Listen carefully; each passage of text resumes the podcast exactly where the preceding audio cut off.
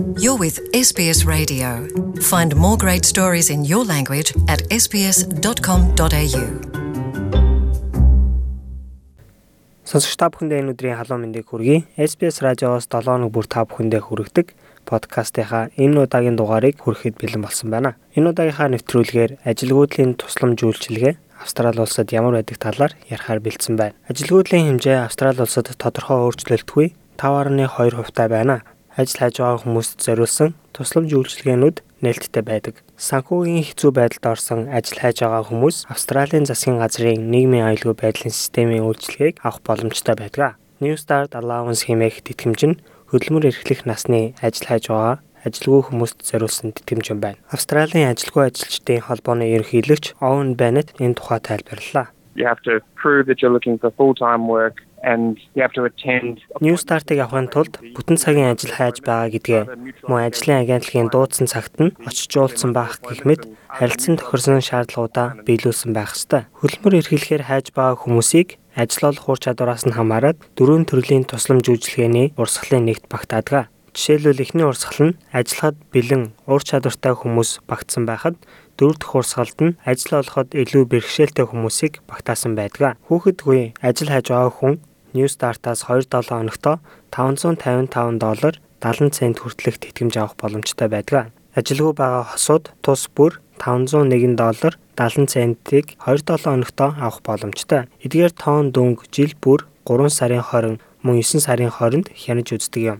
Once you have submitted your claim Та өөрийнхөө материалыг New Start-д өгсөний дараа 2-7 хоногоос 2 сарын дотор таны хариу гардаг юм. Centrelink-ээс ерөнхийдөө шалгадаг гэж ойлгоход болно. Ажил хайж байгаа хүмүүс татвараас өмнөх 2-7 хоногтоо 104 хүртэлх доллар олж байсан ч New Start-ийн тэтгэмжийг авсаар байх боломжтой. Харин 104-өөс 254 долларын орлого олж байвал 104-өөс илүү гарсан доллар болгоноор тэтгэмжээс нь 50 центээр багасдаг. Харин 254 доллароос их орлоготой бол нэг удаагийн 75 доллар мөн 254-өөс илүү гарсан доллар болгоноор тэтгэмжийн хэмжээ 60 центээр багасах юм а. You can be working and also be on New Start. There's a lot of people who are underemployed and working one shift a week. Ажиллаж байгаа ч гэсэн New Start-д хамрагдаж олно. Маш олон хүмүүс underemployed буюу 7 хоногт цөөхөн цаг ажилладаг тохиолдол байдаг. Тэдгээр хүмүүс мөн New Start-ийн тэтгэмж авдаг. Гэхдээ энэ partial payment буюу хэсэгчилсэн тэтгэмж юм. Тухайн хүн тодорхой авдаг орлоготой болсон ч гэсэн New Start-ийн тэтгэмжийг тооцоолоод олгодог гэсэн үг юм а. Австрали улсын оршин суугч сүүлийн 2 жилд Австрали улсад амьдарсан бол New Start-ийн тэтгэмжийг авах боломжтой. Дөрвөгчдийн эсвэл хүмүүнлэгийн хөтөлбөрийн хүрээнд ирж байгаа хүмүүсээс 104-7 хоногийн хүлээлгийн хугацааг шаардахгүй байж болох юм а. Тэтгэмжийг хүлээн авч байгаа хүмүүс орлого болон хөрөнгийн шаардлагыг мөн хоёр талын биелүүлэх үүргүүдийг дагаж мөрдөх шаардлагатай. Work for the dole is one of those mutual obligation requirements that you're required to attend. You can also satisfy those mutual obligation requirements through other means such as um, voluntary work or Work for dole буюу засгийн газрын ажлын хөтөлбөр бол хоёр талын биелүүлэх үүргүүдийн нэг юм а. Сайн дурын ажил хийх, хагас цагаар сурах, бичиг үсгийн сургалтад хамрагдах гэх мэт байдлаар хоёр талын үүргүүдийг биелүүлж болно. Ингэснээр New Start тэтгэмжээ авах болцлоо хангаж байгаа юм. Тэтгэмж авч байгаа хүмүүс Work for Dole хөтөлбөрийн хүрээнд зөвшөөрөгдсөн үйл ажиллагаанд жилийн 6 сард нь хамрагдаж төлбөрөө нэхэмжилж авч болно. Work for Dole хөтөлбөр нь ажил хайж байгаа хүмүүсийн ур чадварыг нэмэгдүүлэх, ажлын туршлага олгох, мөн нийгэмдээ хувь нэмэр оруулах тал дээр зориулагдсан юм а. Ажил хайгчид job plan буюу ажлын төлөвлөгөөг хөтөлмөрийн үйлчилгээний байгууллагуудтайгаа хамт гаргаж түүнийгээ мөрдөх ёстой байдаг.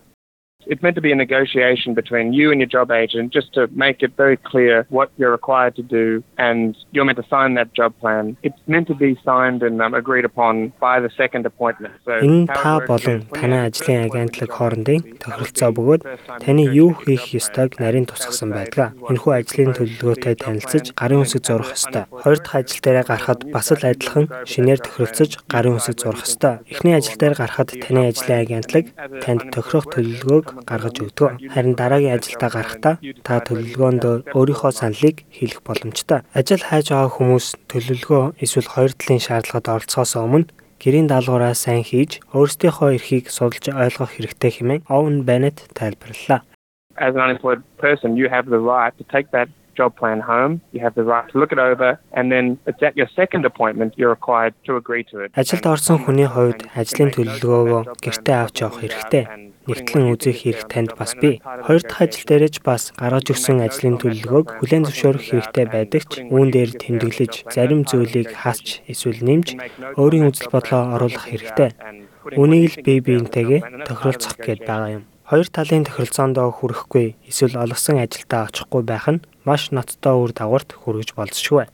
There's a suspension of your new start. That's the, the lowest level of penalty, which means your new start will be suspended once you re-engage with your job agency, then you get full back pay. You're back on the payment again. There are other penalties, which are much more serious penalties, which are called financial New Start-ийн тэтгэмжийг зогсоох нь хамгийн бага хэмжээний үр дагавар юм а. Ажлын агентлагтайгаа эргэж холбогдоод ажлаа эхлүүлэхэд төлбөрөө буцаагаад авах боломжтой байдаг. Илүү хатуу үр дагаврууд ч бас байна. Эдгээрийг санхүүгийн торгуулиуд ч гэж нэрлэдэг. Та өөрийнхөө мөнгийг алдаж эхлэнэ гэсэн үг юм а. New Start-ийн тэтгэмжээс суудхуулах гэх мэт Хэрвээ гаргасан зөрчилдөө тодорхой шалтгаан хэлэхгүй тохиолдолд энэхүү торгуул ногддог. Бусад төрлийн ажилгүйдлийн тэтгэмжид Youth Allowance буюу 16-аас 21 насны бүтэн цагийн ажил хайж байгаа хүмүүс мөн Disability Support Pension буюу 16-аас тэтгэврийн насны хөгжлийн болон оюуны мөн сэтгцийн бэрхшээлтэй хүмүүст олгогддог тэтгэмж байдаг. Илүү дэлгэрэнгүй мэдээлэл авахыг хүсвэл засгийн газрын Department of Human Services буюу humanservices.gov.au хаягаар орж сонирхоорой. Хэлний тусалцаа авахар бол 13 12 тэг 2 дугаарт 8-аас 5 цагийн хооронд залгаж хүсэлт гаргах боломжтой шүү. Дараагийн дугаараар та бүхэнтэйгээ тун удахгүй уулзцгаая. Танд амжилт хүсье. Tell us what you think. Rate this podcast on iTunes. It helps other people to find us.